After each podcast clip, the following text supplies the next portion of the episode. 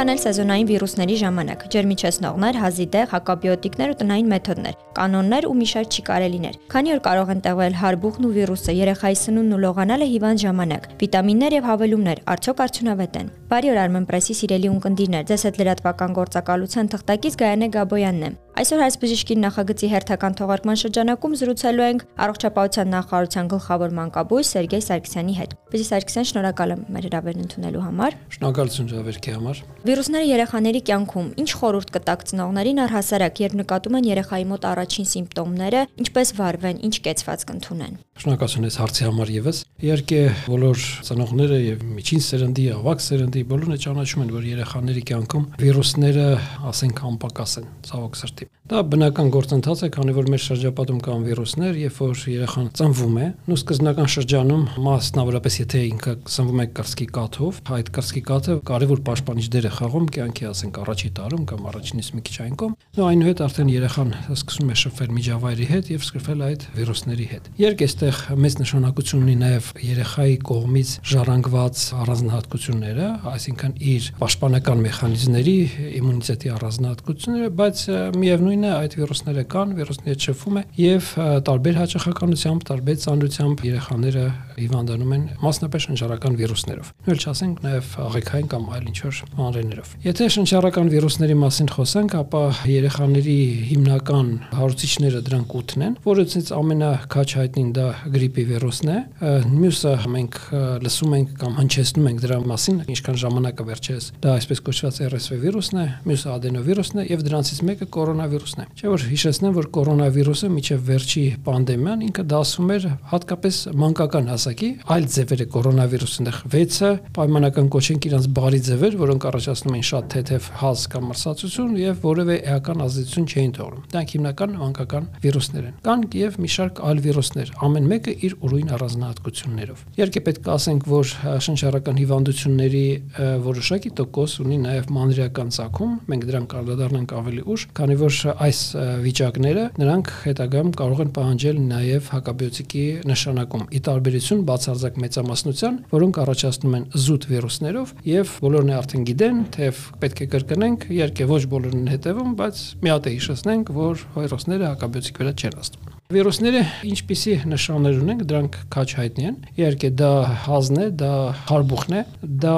բնականաբար ջերմության բարձրացումը, այս կամաշճանի թուլությունը, այս կամաշճանի մարմնի ցավերը եւ տեղ կա մի հատ ուրիշ նշաններ, օրինակի համար դժվարացած հաճախացած շնչառությունը, հեվոցը, որ երեխան սկսում է եւ դա ծնողները նկատում են, որ երեխան անսովոր ձև է շնչում, որը եւս հանդիսանում է շնչառական հիվանդությունների ծանրության որոշակի աստիճան։ Քանզի մենք հիմա հենց տվյալ սեզոնին բնորոշ հիվանդության բարձրացում ունենք, իհարկե հիշեցնենք մեր արգաժան ծնողներին, որ նշանները, որոնց հետ մենք խոսում ենք, որոնց վրա պետք է հատուկ ուշադրություն դարձնել։ Կրկնեմ, դա առաջին հերթին հաճախացած դժվարացած շնչառությունն է։ Ծնողները մեկ-մեկ լավ է նկարագրում են իրանք, որ երեխան շնչում է փորով, հա, եւ համապատասխանաբար այդ լարվածությունը, քանի որ կա շնչառական անբարություն, նա էլ առաջացնում է մարմնի տարբեր մկանների, որոնք մասնակցում են շնչառությանը, դրանց հավելել աշխատանք, որն է անդրադառնում է եւ երեխային նույնիսկ նայելով, երևի թե մի քիչ փորձված ծնող արդեն կարողանա ճանաչել, որտեղ կորզնենք դժվարացած շնչառության հետ։ Մյուս տեսակը, երբ որ շնչառությունը դժվարացած է արտաշնչման ժամանակ եւ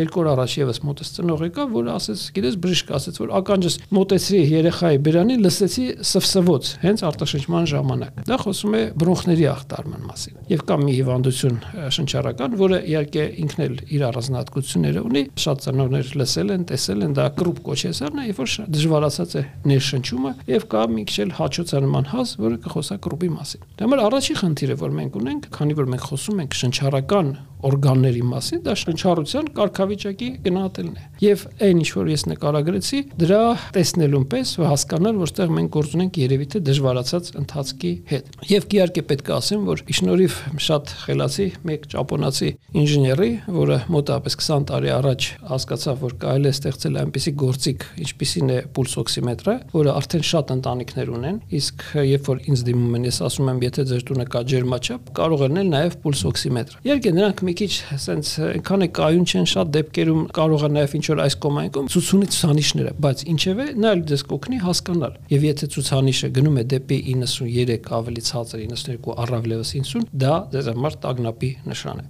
Դա շնչառության մասին։ Այլ նշանները իհարկե դա անպայման տենդն է, որովհետև տենդը ազդում է ամբողջ օրգանիզմի վրա, ու տենդը դա ցայտուն նշան է։ Ասենքն որ ասեմ, եթե համատենք, շատ դեպքերում կարող է իհարկե ծնողը մի քիչ բաց թողի դժվարացած շնչառությունը, որ եթե այդքան ակնհայտ չէ։ Բայց տենդը դա այն նշան է, որ բոլորին քաչ ծանոթ են, հա, նոր սերնդի ջերմաչափեր կան եւ համապատասխանաբար եւ ասեմ մեր ծնողներին, որ շատ դեպքերում նույնիսկ ծնողի զգացողությունը, երբ որ ինքը շոշափում է երեխայի մարմինը, երեխայի ճակատը, շատ դեպքերում նույնիսկ ավելի ված չի աշխատում, քան թե ջերմաչափը եւ ծնողների շատ մեծ տոկոս իրենք հասկանում են կա ջերմություն եւ ջերմությունը բարձր է համատասխանաբար տենդը եւ տենդի տևողությունը, որովհետեւ դեպքերի մեծ մասում շնչառական հիվանդությունները ավարտվում են շուրջ 5 օրով պլյուս մինուս մի քիչ էսկո մի քիչ ենկոմ իհարկե կարող է 1 օր է տևել դրա մասին խոսք չկա բայց հիմնական վիրուսային հիվանդությունները 5 երբեմն 6 նո ասենք օրինակի համար մենք ունենք հիմա գրիպի B տեսակը որը երբեմն կարող է 5 6 7 օր տևել բայց օրինակի համար ինքը այդքան բարդություններ բնորոշ չեն այլ նշանները իհարկե դա թուլությունն է Թուլությունը ինչով կարող է պայմանավորված լինել։ Դա վիրուսի թունավոր ազդեցությունն է մարմնի վրա, որոնց մենք բոլորը զգացել ենք կյանքում ես չոր որոշակի փուլում, շատ թե քիչ, եւ ինքը վիրուսը ազդում է ամբողջ մարմնի վրա, բայց նաեւ թուլությունը կարող է նել նաեւ կենտրոնական նյարդային համակարգի, այն է ուղեղի ախտարման նշան, կախված աստիճան։ Իհարկե դեպքերի բացարձակ մեծամասնությունը դա առաջինն է, ասացի դա վիրուսի տոքսիկ ազդեցություն է, բայց ինչեւէ այստեղ եթե երեխան ինչ որ անսովոր քնկոտ է դարել եւ երեխան օրինակի համանի կրկնակի փսխումներ, մասնապես նյարդային համակարգի գրգռման արդյունքում, ապա այս ամենին եւս պետք է ուշադրություն դարձնել։ Կան երկե ավելի ինչ որ հազվադեպ նշաններ, որոնք շնչառական հիվանդությունների կուղեկցեն։ Օրինակ, համար երբ որ քթից արտադրությունը ինքը դառնում է հենց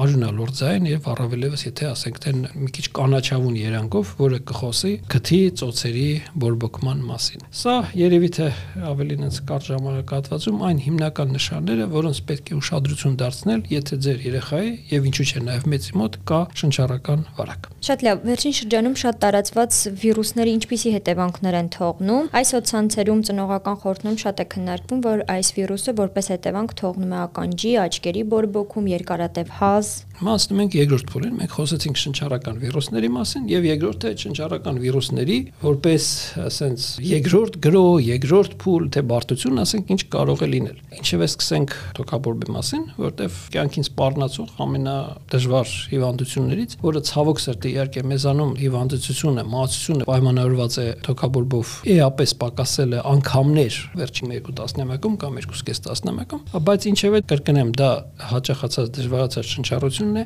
դա գերթուլությունն է եւ պետք է հասկանալ նաեւ թե ինչպես է իր ժամկետները հիմնական շնչառական վարակի որտեվ խոսում ենք մենք հիմա գրիպի մասին գրիպը եւ թոքաբորբը ունեն 3 տեսակ Առաջինը, երբ որ գրիպը հենց ամենասկզբից ինքը սկսում է ընթանալ թոքաբորբային տեսքով, դա հազվադեպ հանդիպող ձև է, այս կամ աշճան ինչ որ նմանացնում է կորոնավիրուսային թոքաբորբին, բայց կրկնեմ հազվադեպ է։ Առավել հաճախ, երբ որ գրիպը տևում է մոտապես մի քանի օր, 3-4 մոտապես միջինը ասեմ, հետո դժվարանում է շնչառությունը եւ սկսում է երկրորդ թոքաբորբը, որը դեպքերի մեծ մասում արդեն ընթանում է մանրեական ցակում եւ սովորաբար պահանջում է հակաբիոտիկի նշանակում։ Բայց մի հատ է այսպես կոչված ուշացած թոքաբորբ, որը նույնիսկ կարող է ընկնել մոտապես 10-14 օր գրիպից հետո եւ որը կապված է որոշակի իմունիտետի վերակառուցման, որոշակի իմունիտետի անկման, հետո որոշակի իմունիտետի անկման փուլում շատ դեպքերում նույնիսկ դա լրացուցիչ ուրիշ մանրե է միանում եւ լինում է նաեւ թոքաբորբ։ Համապատասխանաբար այս թոքաբորբից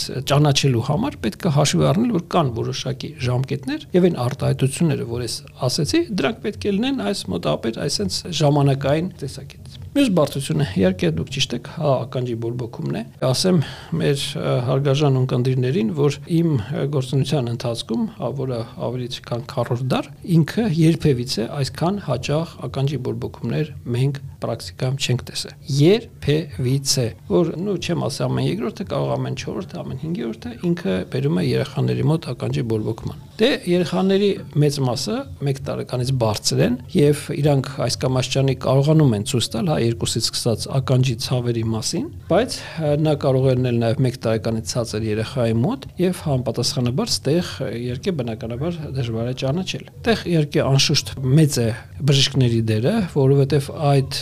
սովորական այդ գնահատումը, որ կա օտոսկոպ ասածը, որով կարող եք նայել ականջը, համար հիմա գնալով շատանում է այն հնդանական բժիշկների եւ մանկաբույժների թիվը, որը կիրառում են այդ օտոսկոպը, նույն 25 տարից երկը կիրառում եմ, եւ որոնք կարող են գնահատել եւ տեսնել այդ կարգավիճակը։ Ծնողներին է հիշեցնենք, որ իրանք է հիշեն, որ կարող են այս իրավիճակը լինի, որ ասենք հենց թեկուզ բժիշկը տեսել է 2 օր առաջ, բայց կարող է 3 օրը զարգանալ, ամեն դեպքում հաշվի առնել, որ եթե երեխան վախասակի ինքը ունի անսովոր հլած, եթե տենդը տևում է ավելի երկար, քան կարայք սպասեիք, եւ եթե օրինակի համար տենդը ավելի բարձր է, բարձրանում է, հա, ասենք թե առաջ 2 օրը եղել է 38, մեկը 3-րդ 4-րդ օրը սկսում է բարձրանել դեպի 39։ Այդ իրավիճակները ռիսկային են ականջի բորբոքման առումով եւ այն ինչ որ մենք տեսնում ենք եւ այդ տեսնում ամեն օր տենց երեխա տեսնում եմ։ Դրա համար այդ վիճակը ծնողն է պետք է հաշվի առնի, իհարկե բժիշկը իր հերթին, բայց ծնողն է նաեւ ուշադիր լինի դրա նկատմամբ։ Ինչի, որովհետեւ թեկուս կա ականջի բորբոքում, ասեմ որ իհարկե այստեղ էլի զգալի մեծ տոկոսը իրանք զուտ վիրուսային են, բայց դրա մեկտեղ կան ականջի բորբոքումներ, ականջաբորբեր, որոնք իրանք մանրեական են եւ կպահանջեն պարտադիր։ Գնահատելը արդեն բժշկական գործ է, դա թողեք բժշկին հասկանալու համար պետք է, թե պետք չէ։ Իհարկե, անտիբիոտիկ։ Իսկ երկարատև հազը կարող է որևէ բարդություններ առաջացնել հետագայում։ Շատ լավ հարց է։ Իհարկե, ասենք, որ հազը պաշտպանական ռեակցիա, որը ուղված է վիրուսով ախտահարված բրոնխնի մակերեսին արկա լորձի, ինչ որ ոչ արդեն պիտանի օրգանիզմին մասնիկների, որոնց մեջ է կան նույն այդ վիրուսները եւ մաները, դրանց հեռացմանը։ Եվ շատ ծնողներ հիմա որ լսում են, իրանք կարող են հիշել, որ նենց արինում, որ երեխան նույնիսկ հազում է, սկսում է հետ տալ, քանի որ վաղ հասակի երեխաներ են, նրանք չեն կարողանում հստակ հա իրանց հազը ձևավորել եւ շատ դեպքերում նույնիսկ այդ փսխումը, որ երեխան փսխեց լորձով, երեխայի շնչառությունը լավացավ։ Ինչի՞ց է, որտեղ դա հազը դա է։ Չպետք է ասենք, որ մենք պարտադիր պետքա ճնշենք, դա չլինի։ Երկե մյուս կողմից լինում է դեպքեր, որ հազ գազը երկարում է։ Եվ երկետեղ արդեն կա բժշկական գնահատման հարց, որտեղ տեղ մի հատ շատ կարևոր հարց կա հասկանալու համար։ Այդ հազը որ ձգձգվում է, ինքը թաց է, թե չոր է, իր մեջ խորխ կա, թե խորխ չկա։ Ինչի համար որտեղից գործելակերպը թե ոնց պետք է վարվել, դրանից բավականին տարբեր է։ Իհարկե, բացարձակ մեծամասնությունում դա լրացուցիչ ինչ որ միջոցառումներ չի պահանջում։ Այդ հազը ինքը բոլորս է գիտենք, ինքը որը ժամանակ կարող եք հազալ անցնի եւ շատ դեպքերում այն դեղամիջոցը, որ օգտագործեք, նույնիսկ ինքը ավելի վատ կլինի, քան թե հազը ինքն իրանով գնա։ Բայց անշուշտ կան դեպքեր, որ դա պետք է գնահատել, հասկանալ արդյոք ինչ որ այս process-ի ձգձգումը ինչ որ ավելի լուրջ հիմքեր չունի, նու իհարկե դա եւս արդեն բժշկական ուսանողական գործելակերպ է։ Գիտեք, նույնիսկ երբ որ ես էի ուսանող, ինձ էլ ինձ զգուշացրել, որ փոքր տարիքի երեխաներին հազի տեղամիջոցներ պետք չի տալ Ինչու? Որտեվ նրանք չեն կարողանում կարգավորել։ Երբ որ իրանց լուսանցքը փոքր է, այդ հավելյալ քանակի լորձը, որը կարող է արտադրվել խորխաբեր, հա, այդ խորխը կարող է բերել շնչուղիների լուսանցքի փակմանը եւ դրա արդյունքում նաեւ դժվարացնել շնչառական ամբարության աստիճանը, ծանրացնել։ Մասնավորապես նրանք, որոնք ծնողները ծանոթ են, երբ որ կա այդ այն բրոնխիտը, որ ես նկարագրացի, սովորին կոչել օբստրուկտիվ բրոնխիտ կամ ասթմայի նման բրոնխիտ, այ մասնավորապես այդ բրոնխիտը ցավոք սրտի իհարկե բժշկների բացարձակ մեծամասն ուսուցչությունը գիտեն, բայց երբեմն ծնողներն իրանք են տալիս եւ հետո այդ երեխայի մոտ շնչառական ամբարության աստիճանը ծառանում է եւ նա ընկնում է հիվանդանոց։ Դա էլ միանգամից այս վերապահում անենք։ Շատ լավ, բժիշկ Սարգսյան, ինչ է կարծում վիրուսի հենց առաջին օրերից արդյոք անհրաժեշտ է դիմել բժշկի, թե փորձել ջերմիչեցնողներով իջեցնել ջերմությունը, պարզապես պայքարել հենց բուն վիրուսի դեմ, թե կարիք կա հենց առաջին օրից հակաբակտերիալ որևէ բուժում ստանալ բորբոքումային հետևանքներից խուսափելու համար։ Նայեք, իհարկե տեղ պետք է հասկանալ մի պահ, որ թիվ առաջի գործողություն հաջողությունը դա բժշկի գնահատումն է, դրա մասին խոսք չկա։ Իհարկե, բայց շնչառական վիրուսներն իրանք այնպիսի ինչ որ աստիճաններ տարբեր ունեն, որոնք կհամաձայնենք, որ շատ դեպքերում ինքը այնքան մինիմալ են նշանները, որոնք կարծես թե եւ արդեն ոնց որ թե հակում ունեն գնալու։ Իհարկե, ցանկալի է դիմել բժշկի, բայց եթե այդ նշանները շատ մինիմալ են կամ ինչ որ շատ թանցողիկ, այո, կարող է եւ ծնողները խնամք ապահովել ջերմիչեցնողը տալ, կարող են շապատելնի, մի հատ ջերմիչեցնողը կտա, կտեսնի ոնց է երեխան, կարող է 1-2-ից հետո ջերմությունը ինքնին էլ իջնի, բայց եթե նշանները ինչ որ դառնում են ավելի այնպես կուտակվում են, ձգվում են, դա պարտադիր բժշկական գնահատում է։ Եվ տեղ կարևոր հարց կա, որ պետք է յուրաքանչյուրը իմանա։ Յուրաքանչյուր երեխա, յուրաքանչյուր ընդհանրապես մարդ պետք է ունենա իր ընտանեկան բժշկին կամ ընտանեկան մանկաբուժին։ Մարդ պետք է լինի, որ այդ երեխային տեսել է ծնվելուց հետո կամ ասենք տեն ծնվելուց որը ժամանակ հետո կարող է տեն ստացել, որը ավելի լավ ճանաչում է այդ երեխայի հագումները, երբ որ ես աշխատում եմ, ես գիտեմ, որ ես մի երեխան ասենք ունի հագում երկար հազար, հա բնորոշ եղել է տենց։ Կայս երեխան ունի այս առանձնահատկություն, այս ամեն ինչը պետք է հաշվի առնել ձեր բժշկական, հա, գործելակերպը որոշելու համար։ Դա օրենք է, դա կանոն է։ Մենք տեղ խնդիր ունենք իհարկե այն, որ շատ դեպքերում չեն վստահում, կգնալ հիվանդանոց եւ առավել եւս ես ասեմ, որը ինձ բացարձակ դուր չի գալիս, դու գիտեք, որ շատ դեպքերում երեկոները գալիս են հիվանդանոցում, որ ընդունանում նայվեն, մի կոր հարց եմ տալիս այդ ծնողին, ասում եկել ենք էսա նայ, եկել ենք էնա նայ, եկել ենք էսա նայ, դե կներեք, եթե 3 տարբեր մարդ սկսի գնահատել, որը որը միասնական ինչ որ հասկանում եք, ինչքան կարևոր է, որ դա լինի մեկ մարդ։ Ինչ վերաբերվում է հետագա անելիքների մասին, եւս մեկ մի հատ դիտարկում պետք է անեմ, որ կարևոր դիտարկումը մեզ համար։ Մենք բոլորս հասկանում ենք, որ հիմա արդեն աշխատանքը դա սոցիալական իրավիճակը այն մի քիչ խորթային չէ, դա շատերը արդեն ջայել են, չեն իշի, բնտեղ ուտեղ դա կարող է լեր առիթ, շատ པարզ ձևով բյուլից են վերցնել, երեխայի հետ նստել, որ շատ դեպքերում նույնիսկ նեղություն եմ խնդրում, բայց դաժե պետության կողմից է խրախոսում, որտեղ այդ երեխայի խնամքը տենց ապահովելով կարող է երախան էլ չհասնի հիվանդանոց, էլ պետության վրա ավելի էժան կնստի շատ մի քիչ sense։ Չասենք որ բարդություն չլինի երեխայի համար երկի առաջ երթին բարդությունն է կարևոր։ Բայց հիմա շատ դեպքերում պետքա սпасել, պետքա ձգել, դե սпасենք ինչ լինի, այդ անպայման գնանք երեկո, դա էլ շատ կարևոր, որովհետև դիմել ցերեկը, դիմել երեկո, այդ շատ տարբեր բաներ են։ Անպատասխանաբար գործելա կարգը, գործելա կերպը,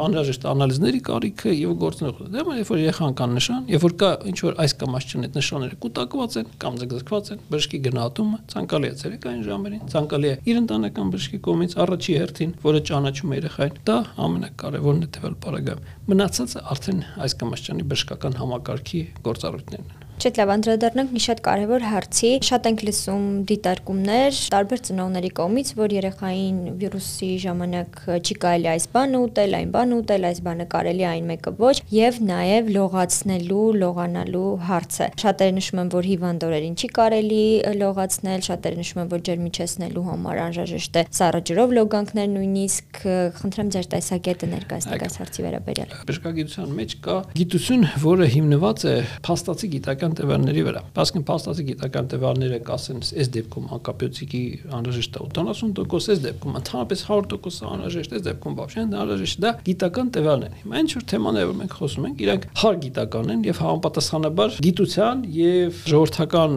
մոտեցումների եղանակների մեջտեղն են գտնվում։ Ինչ որ միտեղ։ Եթե խնամքի տեսակետից երեխային ենք, թիվ առաջինը որ մենք պետք է ասենք, բնականաբար երեխային հեղուկ տալն է։ Կամ եթե կրծքով է կերակրվում, հաճախակի բերել կրծքի Michigan Ինչի։ Մի բարձ պատճառով դա գիտական է 100%, այն է, որ երեխայի մոտ կարող է արյան մեջ բարձրանալ տարբեր տոքսիկ նյութերի խտությունը։ Եվ եթե հարցնում ես, հա, այս երեխան ջերմում է, շատ բարձր ջերմ, հետո հարցնում ես, մենք է պարզում որ երեխան, ասենք պայմանական ասեմ, 2 տարեկան երեխա երեկվա օրով ամբողջ օրվա ընթացքում խմել է այսքան մի բաժակ ջուր։ Եվ որ իր պահանջարկը դրանից մի անգամ շատ է, նույնիսկ նորմալ պայմաններում։ Երբ որ կա որոշակի հիվանդություն, համապատասխանաբար դա անդրադառնում է իր ընդհանրապես ամբողջ օրգանիզմի փոխանակության վրա, բնականաբար պետք է հավելել քանակի հեղուկ։ Հարցտակ ինչ հեղուկ։ Կախված տարիքից, եթե մի քիչ մեծ է, նեղություն եմ խնդրում, ես կասեմ, երեխայի սիրտը ինչ ուզում է։ Մենակ ինքը կարողանա խմել։ Շատ քաղցր չլինի, օրինակ համար որ դա էլ ինչ սահմանափակում ասենք, բայց սովորաբար, հա, լինի թե հյութ, լինի թե թեյ, լինի թե բան, գլխարը որ մեջ հեղուկը այն քիմիայում անցած H2 on գնա օրգանիզմ եւ իր գործը կարողանա կատարել։ Բնականաբար հետևելով տեղի երկետ նեղություն արտադրությանը, որ երեխան adekvat միզի։ Սննդի տեսակետից շնչառական հիվանդությունները որևէ էական սահմանափակում չունեն։ Եվ տեղ կարևոր է հարցը, որ երեխան այս կամ այս ճանի բնականաբար ախորժակը ցածր է, մեկի մոտ քիչ, մեկի մոտ շատ։ Ես համեմատական ասեմ, երեխա կա որ 40 աշճանի դեպքում էլի գլխի վրա է մանգալիս, տունը քանդում է, երեխա կա որ 37-ի կեսի դեպքում ճնշվում է եւ պարկած է։ Մեծերն էլ ընտեց։ Անգեր ունեմ որ 37 կես այնց որ ջերմությունն է լնում, սկսում է գորոցը մեռա մեռա։ Հա, որ բնականաբար դե ծանաչում եք աստած։ Դե երեխաներն են դից։ Հա, դա մարդ ինչքան ճնշված է, ինչևէ պետք է համոզենք որոշակի ստանա։ Հաջորդը ինքը կերակրվեց, խմեց։ Հաջորդը շատ կարևոր բան է, որ երեխան հիմա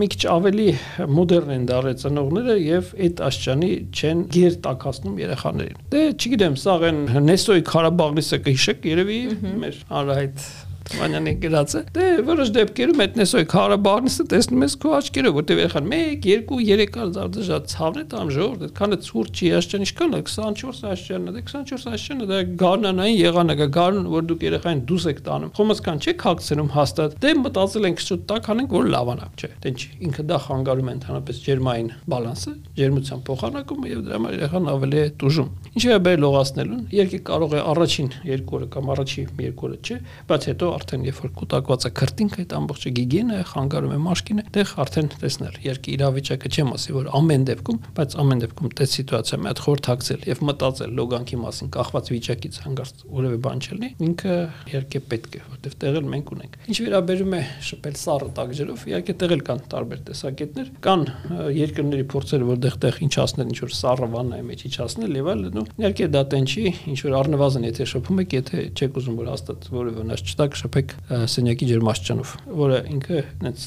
միջինն է եւ դրանից ինչ որ հաստատ վնաս չի լինի, որտեվ որոշ դեպքերում սառը եթե շատ լինի, դա առաջացնում է անոթների սպազմ, անոթների սպազմը բերում է ջերմության կուտակման օրգանիզմի ներսում։ Այստեղ արդեն որոշակի առանձնահատկություններ կա իրան, դրա համար չես կարա ունիվերսալ ռեցեպտ ասես։ Լավ, վիտամիններ եւ հավելումներ արդյոք արդյունավետ են կիրառությունը դրանց։ Մի շատ կարևոր նյութի մասին ասեմ, դա կոչվում է ցինկ։ Քիմիականն եթե հիշեք, Մենզելևի աղյուսակում ԶՆ ցինկը եւ եթե հիշեք, տարբեր քսուկներում կա, դաժե գեղեցկության քսուկներում կա, եթե խոսանք դրա մասին։ Ինքը ցինկը շատ կարևոր է հիմուն համակարգի աշխատելու համար, բայց այն ինչ որ ապացուցված է, թե խոսանք ապացուցումների, ապացույցների մասին, այն է որ մնակյաման ինքը փոլուցային հիվանդությունների ժամանակ ինքը տալը շատ կարևոր է, ինքը նպաստում է ավելի վաղ վերականգնմանը։ Շնչառական հիվանդությունների դաբնակ դա ապացուցած է, որ ինքը պետք է լինի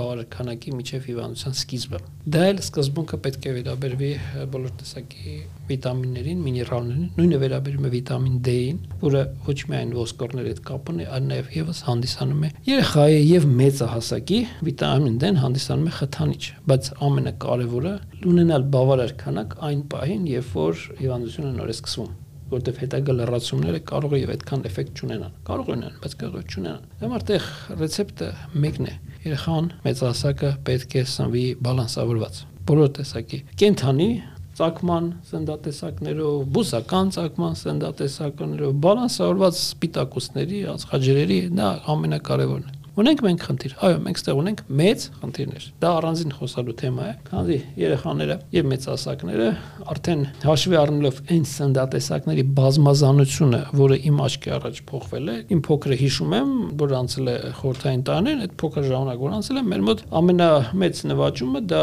Աբովյան փողոցի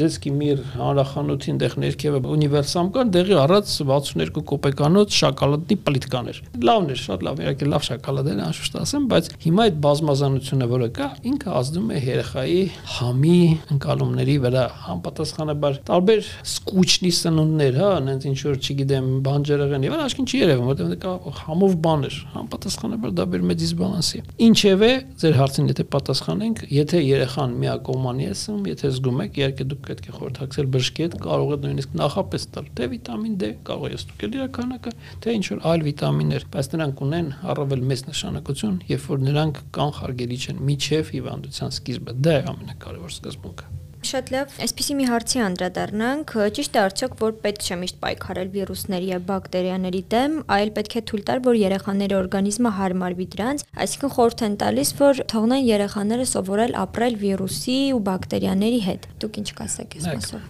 Ինքը շատ կարևոր հարց է։ Առաջինը հակավիրուսային դեղամիջոցներից, որը կա մեկը դա օզելտամիվիրն է, իր մյուս անունը չեմ ասի, դա արդեն կոմերցիոն ռեկլամ կլինի։ Դա արդեն բժիշկները պետք է ասեն, որը եթե վաղ տարվում է գրիպի առաջի 24-48 ժամում մեապես բարելավում է հիվանդության ելքը, այն չի որ ինչ որ սվերխ ունիվերսալ է, ինքն ինչ որ սահման ունի, ասենք կազդի 80% դեպքերում, հա, բայց ինքը այնպես դեպքեր կա, որ ուղղակի հրաշագործ ենք սկսում ես խմել եւ արդեն մեկ օրից հետո առողջ ես։ Իհարկե խոսեմ, որ դա հենց գրիպի համար, որովհետեւ իր մեխանիզմը ուղղված է գրիպի որոշակի մասնիկների դեմ աշխատելուն, այլ վիրուսների վրա չի ազդում։ Դա մեկ։ Երկրորդը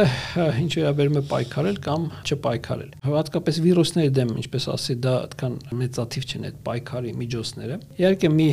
մոդել կա, որոշ գնում են դրան, դա իմունիտետի պատասխանը գրգռելն է, որոշ միջոցներ, որոնք ընդունված են որպես հակավիրուսային, դա էլ եւս այդպես վիճելի տեսակետ է, որովհետեւ վիճելի տեսակետը այսինքն այն է, որ այդ իմունիտետը շատ դեպքերում չի կարա շատ արհեստական խթանեք։ Ինքը ունի իր որոշակի ներքին մեխանիզմները, որ արհեստական այդ գրգռումը ասեմ, թե խթանումը ասեմ, ինքը որոշ դեպքերում կարող է տևալ դեպքում ավելի լավն, իսկ ավելի երկատեսակից ոչ այդքան լավ, որտեղ ինքը կբարձրանա, հետո արհեստական կիշնի, то есть ինքը տեղ որոշակի նյուանսներ կան այդ հարցում։ Մոտեցումը հետեւյալն է։ Ինչևէ վիրուսային հիվանդությունների դեմ ամենալավ պայքարը դա կանխարգելումն է այն ինչ որ ես ասացի։ Իսկ եթե կա մանրե, եթե կա մանրեական ծակման process, ինչևէ դեպքերի բացարձակ մեծամասնությունում դուրը գա, դուրը չգա, անտիբիոտիկ է նշանակում շարունակել։ Տեղի կա երկե խնդիր, որտեվ արդեն մի կողմից ծնողներ կան, որոնք սովոր են եւ ցավոք սրտի տենց էլի հանդիպում ես, որ տվեցի, տվեցի, տվեցի, տվեցի, նեղություն էլի ինքը լոլիկի հյութ չի, որ երեխան սկսի ինչ որ անտիբիոտիկ անդադ խմել, դա ունի իր բազմաթիվ բացասական կողմեր, բայց յեն դեպքում որ պետքա նա պետքա նշանակվի, համապատասխան ընտրություն կատարվի, որտեղ տեղել է հարցը կարող է մեկը պետք է, մեկը պետք չի, մեկը ցուցված է, մեկը հացված է, ունի այսպիսի կողմնակի ազդեցություն, որ տվալ երեխային պետք չի։ Դա բժշկի պարտականությունն է որոշել այն, ինչ որ պետք է անել։ Շատ լավ, բժիշկ Սարգսյան, այս օրին բավականին շատ տարածված են սեզոնային վիրուսները, ինչպես կգնահատեք ներկայիս իրավիճակը, հիվանդանոցային ինչ պատկեր ունենք, կարծիքներ կան, որ հիվանդանոցներում արդեն գրեթե տեղ չկան, անգամ նորածնային, քանի որ ամանորյա տոներին միմյանց տներ այցելությունը մեծապես նպաստել է վիրուսի տարածմանը։ Ինչպես եւ ամբողջ աշխարհում, մենք ունենք սեզոնային բարձրացում։ Իհարկե, եթե նենց մոտավորապես ներկայացնեմ, մանկական տարիքի մոտավոր, կասեմ, մոտավորապես խոսքը 30-40%-ը գրում է գրիպի վիրուսի մասին, որից գերակշռում է AH1N1 տեսակը, ոմանք սիրում են կոչել խոզի գրիպ, բայց ինքը դա նենց էլ մի քիչ մասամբ ճիշտ, մասամբ ժողովրդական անվանում է, ինքը H1N1։ Երկրորդը շրջանառում է RSV կոչվող վիրուսը, որը առաջացնում է երեխաների մոտ ծանր դժվարաշնչություն եւ բրոնխների նեղացում, որը մասնավորապես ախտարում է կրծքի հասակի երեխաներին դեպի երկրորդ ամսիկը, երրորդ-չորրորդ ամսիկը եւ մնացած 20-30%-ը այլ վիրուսներ են, որոնցից եւ եթե կասեմ adenovirus-ը, նույնիսկ adenovirus-ը, որտեղ հնակամար adenovirus-ը մի վիրուս է, որ այդքան հայտնի չէ, բայց ինքը առաջացնում է ձգձգվող process-ներ, որոնք կարող են տևել 5 օր, 7 օր եւ ավել։ Դա իր առանձնահատկությունն է, երբեմն նույնիսկ ալիքաձև ընթացք, որոնց հետ կարծում եմ մեր ընկերները եւ շատ ծնողներ դրանք հանդիպել են։ Դա համար հիմա շրջանառում են դրանք։ Շատ է թե քիչ է, դե բարձր բարձացում է սեզոնային տեղի ունեցել։ Նու այդ RSV կոչեցյալը իրապես մեծ թվով ծանրաբեռվածություն է առաջացրել մանկական հիվանդանոցների համար, նո ինքը նույն ծանրաբեռնություն առաջացել է նաև եվրոպական երկրներում, համար որ դες པարզ դառնա, եթե որ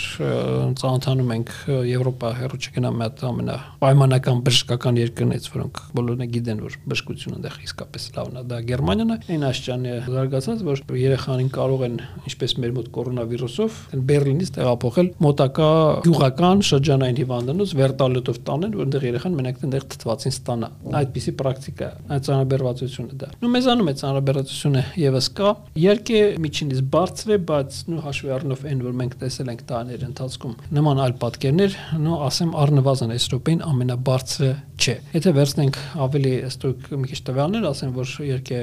տոներից հետո պոլիկլինիկական դիմելությունը բարձրացել է, շտապօգնության կանչերը կչացել են, իսկ հիվանդությունների, հիվանդանոցների հոսպիտալացությունների մակարդակը առնվազն վերջի օրերում ինքը ինչ որ մի ստաբիլ վիճակի վրա է։ Իհարկե բնականաբար դրան գումարվել է նաև դպրոցների բացումը, նո իհարկե վախասակի դպրոցականներն ակ մի քիչ ավելի ուշ կգնան։ Դրա համար այդ ամեն ինչը պետք է հետևել։ Նո խոսքը կարող եք ասել միանգամից դպրոցների փակման մասին, դե դրա մասին դեռ խոսք չկա, դա պրոստը պետք է հետևել։ Ամենակարևորը որ հիվանդ երեխան չգնա դպրոց, դիմի իր բժշկին, եթե պետք է իր տեղեկանք ձեավորի, բայց հիվանդ երեխային դպրոց չտանել։ Եվ հիվանդ մարդը ընդհանրապես չգնա հետ չփի։ Դա շատ կարևոր է։ Հասկանում եմ սոցիալական խնդիր կա, կարող է ինչ-որ մի բան բաց թողեք, բայց նույն գործատուին ասենք, Ժորժան, այդքան լավ աղջիկ լինի, այդ մարդը գա, թող ինքը գա, ստիպած գա, նստի, հետո հետևից 7 հոգի վարակի, հետո բաբշե ձեր կերությունը շատ ավելի շատ կտուժի։ Դա էլ պետք է հաշվի առնել։ Շատ լավ, բժիշկ ունեք աշխատանքային մեծ փորձ եւ կխնդրեմ ներկայացնեք ձեր գործունեության այս տարիների ընթացքում հաճախ հանդիպող սխալներ, որ շատ տարածված է ծնողների մոտ։ Եղավ։ Սկսենք ամենասկզբից։ Հայաստանը Եվրոպայում գտնվում է պատվաստման ամենալավ ցուցանիշներ ունեցող երկրների խմբում Դա տարիների աշխատանք է, դա բժիշկների աշխատանք է, դա նաև մեր ծնողների համաձայնությունն է, որոնք կա, որոնք ամեն ինչ հետևում են այդ հանձնարարականներին, բայց չեմ կարող չասել, որ ինչևէ parberabar այդ անտիվաքս կոչվող շարժումը ինքը ակտիվանում է եւ առաջացնում է խնդիրներ։ Մի երկու բարձ թիվ։ Առաջինը, որ Հայաստանում ունենք մենք օրինակի համար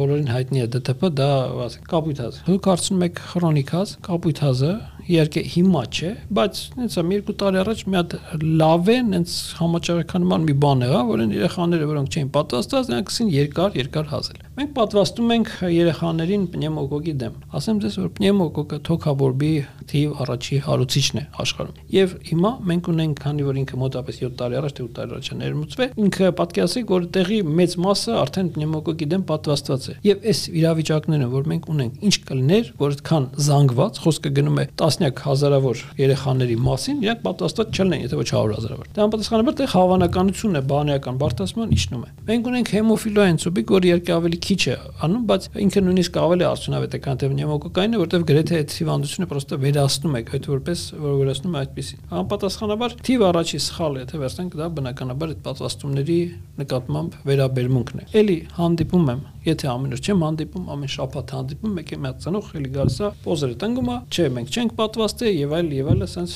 կներեք տուֆտախոսակցություններ։ Անպատասխանաբար ինքը դա ստեղից ենք սկսում։ Իհարկե սխալների մասին եթե խոսանք, դա սնուցումն է, չեմ կարող ասել, էլի ինչևէ ապացուցված է, ինչ է ուզում ալնի, դա կասկով սնուցումն է։ Իհարկե այստեղ մի հատ խնդիր կա, դա եւս աշխատանքային խնդիր է, որ որոշ ծնողներ ստիպված են ավելի վաղ դուրս գալ աշխատանքի։ Նու դրա համար աշխարհում ասկամաշճանի առաջավոր երկրներում, իհարկե ոչ Ամերիկա օրինակ եմ, բայց եթե վերցնենք սկանդինավական երկրներում կամ հյուսիսային Եվրոպա երկրներում, թե կան խիստ օրենքներ, որոնք ասում են, որ մարդը պետք է սնվի, որովհետև այդ օգուտը, որ նա տալիս է կասկով սնուցելով երեխային, ինքը գերակշռում է թե այն հանրային օգուտը կամ ինչ որ աշխատանքով կարող անել, դա շատ կարևոր է։ Եթե սխալներից հետո գնանք, դա դիմելության ճիշտ պրակտիկան է։ Առնվազն պետք է հասկանալ երբ դիմել։ Երկուսն է վատ են, շատ շատ վաղն է, որովհետև կներեք, եթե երեխայի մոտ կարող իրապես ոչ մի բան չկա, ինքը կարող է գնալ հիվանդանոց, այդ հիվանդանոցի ճանապարհին կամ պոլիկլինիկայում գնա մի հատ երկրորդ վիրուսն է վերցի եւ անդրադառնա։ Եւ մյուս ծառայությունը, երբ որ Կիրակի օրը երեկոյան ժամը 8-ի կոմերը բժշկջան երեխես մի շաբաթա ջերմում է։ Հա, parzavol պետք է նայել, parzavol պետք է գնահատել, բայց երբ որ ֆանտաստիկ դեպքեր կան, 8 օրա ջերմում այդ ցավն է տանում Ժորժ ջան, ես վերջը վերջո կներեք, չոլում չեք, երկիրա, բժիշկներ կան, բան կա, էլի։ Դե մի հատ գնացին, գործի մի հատ սա, մի հատ նա, մի հատ նա, ու հետո вообще հենց դուրս եկավ մի հատ մեծ կինո։ Անպատասխանաբար դիմելություն է կապը։ Ներողություն եմ խնդրում, եթե դες չի բառում ինչ որ հանգամանքներից։ Հիմա ազատ ընտրություն կա։ Տեսեք ով է, պոլիկլինիկայի բժիշկը որն ավելի լավ է։ Մի հատ հարցրեք, նենց արեք, որ դա կունենաք, դա շատ կարևոր է շատ չափազանց կարևոր։ Տեղը մենք ունենք մեծագույն խնդիրներ, մենք ունենք մեծ խնդիրներ դրա մեջ։ Իհարկե դրան ունեն կան օբյեկտիվ պատճառներ, այդ բժիշկները շատ դեպքերում հազար նեղություն ասեն, ասեցի տարիքը արդեն ոմանք արդեն հավես չունեն ուղղակիորեն, հա, այնտեղ ինչ որ սերնդափոխություն է պետք իրապես, եթե վերցնենք, որը այդտեղ արդեն ինչ որ տնտեսական հիմքեր կան, հա, այդ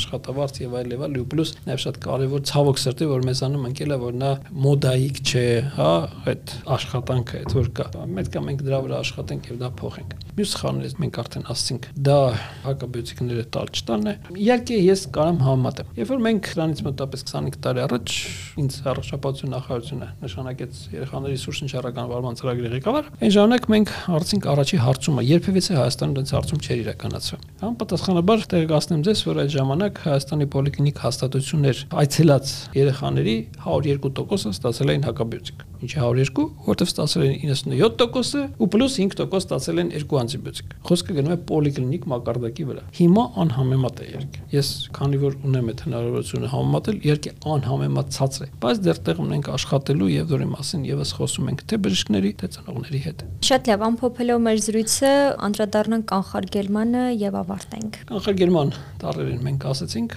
դա պատասխանումն է, դա սնուցումն է, դա պարս հիգիենայի պահպանումը։ Մի հատ շատ սուբյեկտիվ սիմպտոմ ասեմ, բայց չեմ կարող ասեմ։ Շատ երեխեք գալիս են տեսնում ես, սիրում են մատները տանել բերանը, 70 պրիմիտիվ բան եմ, չէ՞, կարծես ասում։ Բայց գալիս երեխան տեսնում ես, կոտ 3 րոպե հետը շրփում ես, այդ երեխան ասենք լավ, վերջ վերջը parza որ դեզինֆեկցիան մեկ կաբինետը, բայց նե չէ՞ որ ինքը ասես մեկը դեն տարավ բերան, տարավ բերան մատերը, համապատասխանաբար աշխատել է սովորության դեմ։ Դե իհարկե մի կողմից շատ ծանր մեզ համար նստած կ ូវ իդային համավարակը մի հետևանք ունեցավ, մարդկանց գալի տոկոս սովորեց ձեռներ լվալ, դա լավ է, դրական է այս կամ աշխանի ու պլյուս 4 ձեռները մաքրել այդ բաները, ինչ որ սովորություն կա։ Դա համար ձեռքերի հիգիենան է շատ կարևոր։ Մարմնի հիգիենան նույնպես կարևոր։ Ինչի է կարևոր երեխաների համար, հա։ Համար երեխաները սիրում են լողանալ, ոչ սեղանը չեն սիրում լողանալ, բայց այդ լոգանքը որ կա, ինքը մարմնի մաքրությունն է, ինքը ապահովում է համապատասխանաբար մարմնի շնչառությունն է, ոչ շատ քրտնելը, то есть ինքը դրանք շատ այդ առեն են, որոնք կարևոր են։ Կարծեք թե ինչ կապ ունի դա շնչառական։ Ուղղակի կապ ունի, որ ինքը